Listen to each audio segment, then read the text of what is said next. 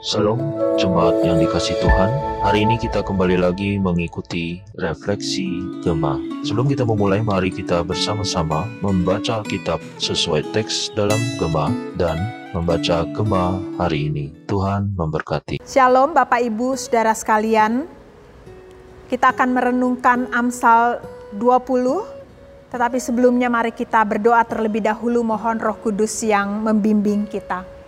Tuhan kami Bersyukur Engkau terus mendidik kami, memberikan kami pengertian-pengertian Tuhan, meskipun kami ini terbatas, walaupun kami sering kali bebal, tapi Tuhan Engkau tidak bosan-bosannya menuntun kami, membimbing kami, melimpahi kami dengan hikmat-Mu.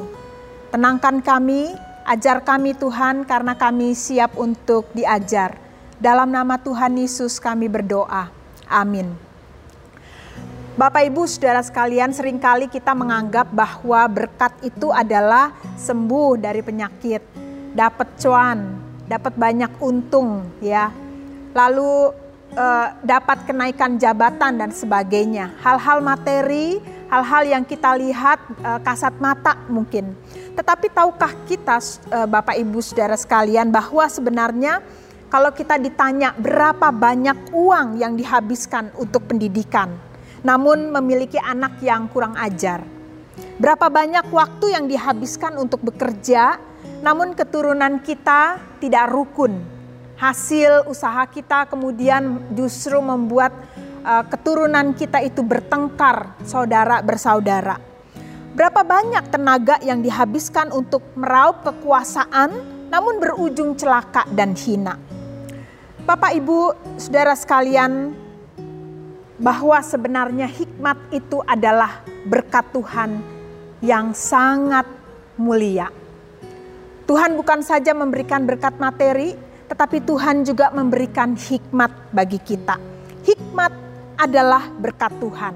Ada beberapa hal yang disampaikan di dalam Amsal 20 ini Bapak Ibu. Yang pertama ada dua. Yang pertama hikmat itu menolong kita bisa melihat kedalaman. Dan yang kedua, hikmat itu bisa menolong kita melihat ujung atau akhir dari kehidupan. Di dalam Amsal 20 bertebaran tentang bagaimana hikmat itu menolong kita melihat kedalaman. Ayat 5, melalui hikmat kita bisa mengetahui rancangan tersembunyi sekalipun Melalui hikmat di dalam ayat 8, kita bisa mengetahui segala yang jahat. Ayat 9, diri yang kotor dan penuh dosa, itu juga satu hikmat. Kita melihat kedalaman diri kita. Ternyata aku ini orang yang penuh dosa. Ternyata aku ini jahat. Itu juga satu hikmat dari Tuhan. Sehingga kita mengenali diri kita. Ayat 9, ayat 11, bahwa sifat anak yang terus dibawa sampai dewasa itu juga satu hikmat. Kita melihat anak-anak kita, kita tahu sifatnya. Sehingga kita hati-hati mendidiknya. Kita menyesuaikan diri, didikan-didikan itu dengan sifat-sifatnya. Supaya didikan-didikan Tuhan itu masuk di dalam dirinya. Efektif membentuknya. Lalu ayat 25, penyesalan yang diakibatkan karena terburu-buru mengucapkan janji sumpah itu juga satu hikmat bagi kita dari Tuhan. Kita bisa mengenali bahwa kita sebenarnya penyesalan karena kita terlanjur bersumpah. Ayat 26 bahwa raja yang bijak akan mampu mengenal orang fasik dan bahkan membalasnya sesuai dengan kejahatan kefasikannya. Itu juga satu hikmat Seorang raja membutuhkan hikmat untuk mengerti siapa yang jahat, siapa yang baik. Para penguasa harus mengerti mana dosa, mana bukan, mana lawan, mana kawan. Ayat 27 Tuhan dapat menyelidiki kedalaman roh kita. Melalui hikmat kita bisa mengerti bahwa Tuhan mampu melihat kedalaman. Tuhan tidak cuma tertarik melihat permukaan, tapi Tuhan tertarik melihat kedalaman motivasi, niat, kecenderungan kita. Ayat 30, hukuman dapat membersihkan kejahatan. Melalui hikmat kita yakin melakukan disiplin. kita dengan confidence menerapkan disiplin, menerapkan hukuman, karena itu dapat membuang kejahatan dan kebodohan di dalam hati anak-anak kita.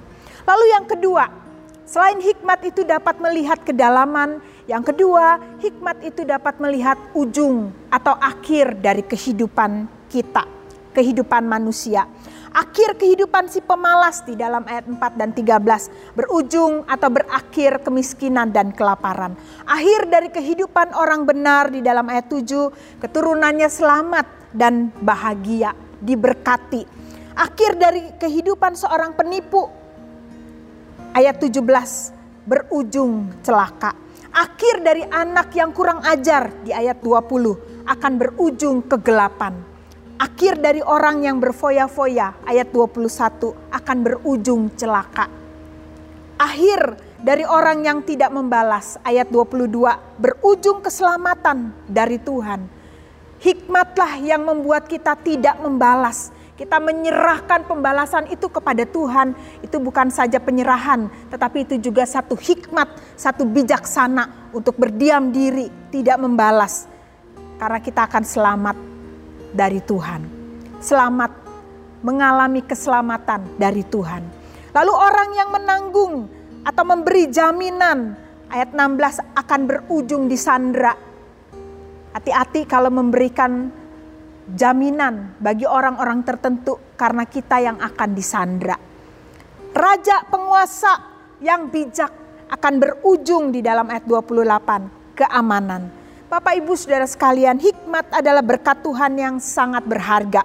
Tuhan yang penuh hikmat memberikan hikmat kepada kita yang terbatas ini untuk melihat kedalaman hidup yang penuh misteri ini dan mampu melihat akhir kehidupan yang penuh liku ini. Puji nama Tuhan. Mari kita berdoa. Tuhan, kami mengucapkan syukur kalau kami melihat kehidupan kami Tuhan yang begitu dalam dan berliku, kami tidak takut. Karena Tuhan menganugerahkan kami hikmat-Mu. Kami boleh belajar, kami diperlengkapi sedemikian rupa. Sehingga kami tidak menjalani kehidupan ini sembarangan. Atau asal-asalan, atau khawatir, atau seperti orang bodoh, atau seperti orang yang mudah untuk diombang-ambingkan tapi kami menjadi orang-orang Kristen yang belajar. Karena kami bisa melihat kedalaman, bahkan akhir dari kehidupan ini. Karena engkau sudah menyingkapkannya. Tolong kami Tuhan. Terima kasih untuk berkat hikmatmu di dalam nama Tuhan Yesus. Kami mengucapkan syukur. Amin. Tuhan memberkati firman-Nya.